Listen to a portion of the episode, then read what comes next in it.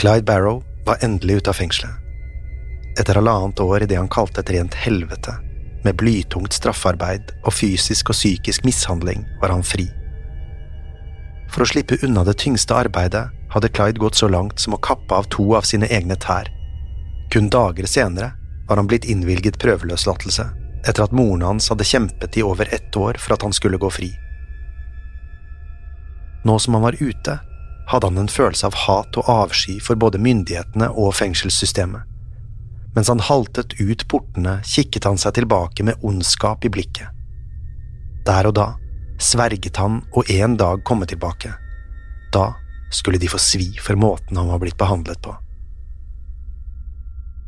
Likevel var det en annen ting han måtte gjøre først. Mens han hadde sittet fengslet, hadde han brevvekslet med kjæresten Bonnie Parker. I begynnelsen hadde de skrevet til hverandre så ofte de kunne, men over det siste halvåret hadde brevene fra Bonnie blitt stadig færre og kortere. Clyde ante ikke hva som kunne være grunnen, hun hadde ikke nevnt noe om det i brevene, og nå var han nødt til å finne ut av det.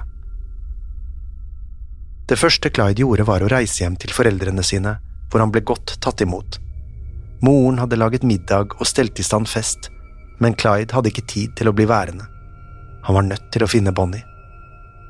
Etter å ha takket moren for staheten i å få ham løslatt, fant han frem sin fineste dress og satte av sted til Bonnies mor, Emmas leilighet. Det var det siste stedet han visste at Bonnie hadde bodd, og et godt sted å begynne. Da han kom frem, banket han på døren, men var for utålmodig til å vente på at den skulle besvares.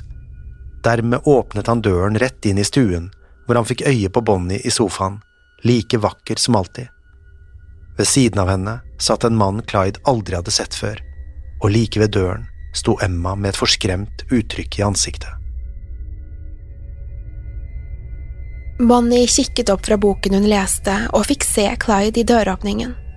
Det var slett ikke den samme mannen som hadde blitt fengslet halvannet år tidligere. Ansiktet hans var dratt og innsunket, og huden hans var tørr og oppsprukken. Han hadde en krykke godt plassert under hver arm og så ut til å ha store smerter. Likevel smilte han det samme kjekke smilet hun husket ham for. Uten å ofre sin nye kjæreste Tom et blikk, reiste hun seg og løp mot Clyde. Hun kastet seg i armene hans, og de kysset hverandre. Det var som all tiden de hadde vært fra hverandre var blitt visket bort. Alt var som det skulle, så lenge de to var sammen. Resten av denne episoden kan du høre i Untold. Her får du tilgang til denne episoden samt en rekke andre eksklusive og reklamefrie podkaster. Last ned Untold i Google Play eller AppStore i dag, og start din 30 dagers gratis prøveperiode.